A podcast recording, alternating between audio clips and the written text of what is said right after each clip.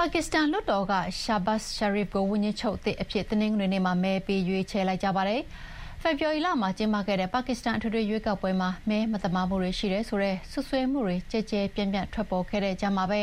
အောက်လွှတ်တော်က ခုလို မဲပေးရွေးချယ်လိုက်ကြတာပါ။ ဝန်ကြီးချုပ်အဖြစ်အရွေးခံရဖို့ အောက်လွှတ်တော်ကိုယ်စားလှယ် ၃၃၆ ဦးထဲက ထောက်ခံမဲ ၁၆၉ မဲလိုအပ်ပြီး Nawaz Sharif ထောက်ခံမဲ ၂၀၀မဲရခဲ့တာဖြစ်ပါတယ်။အကျဉ်းကျနေတဲ့ ဝန်ကြီးချုပ်ဟောင်း Imran Khan ရဲ့ ထောက်ခံမှုရထားတဲ့ အတိုက်အခံ Omar Arif ကတော့ ၉၂ မဲသာရရှိခဲ့ပါတယ်။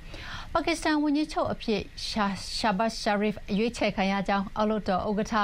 Ayar Sadiq က ကြေညာလိုက်တဲ့အခါမှာ ဝန်ကြီးချုပ်ဟောင်း Imran Khan ကို ထောက်ခံကြတဲ့ လွှတ်တော်အမတ်တွေဆီက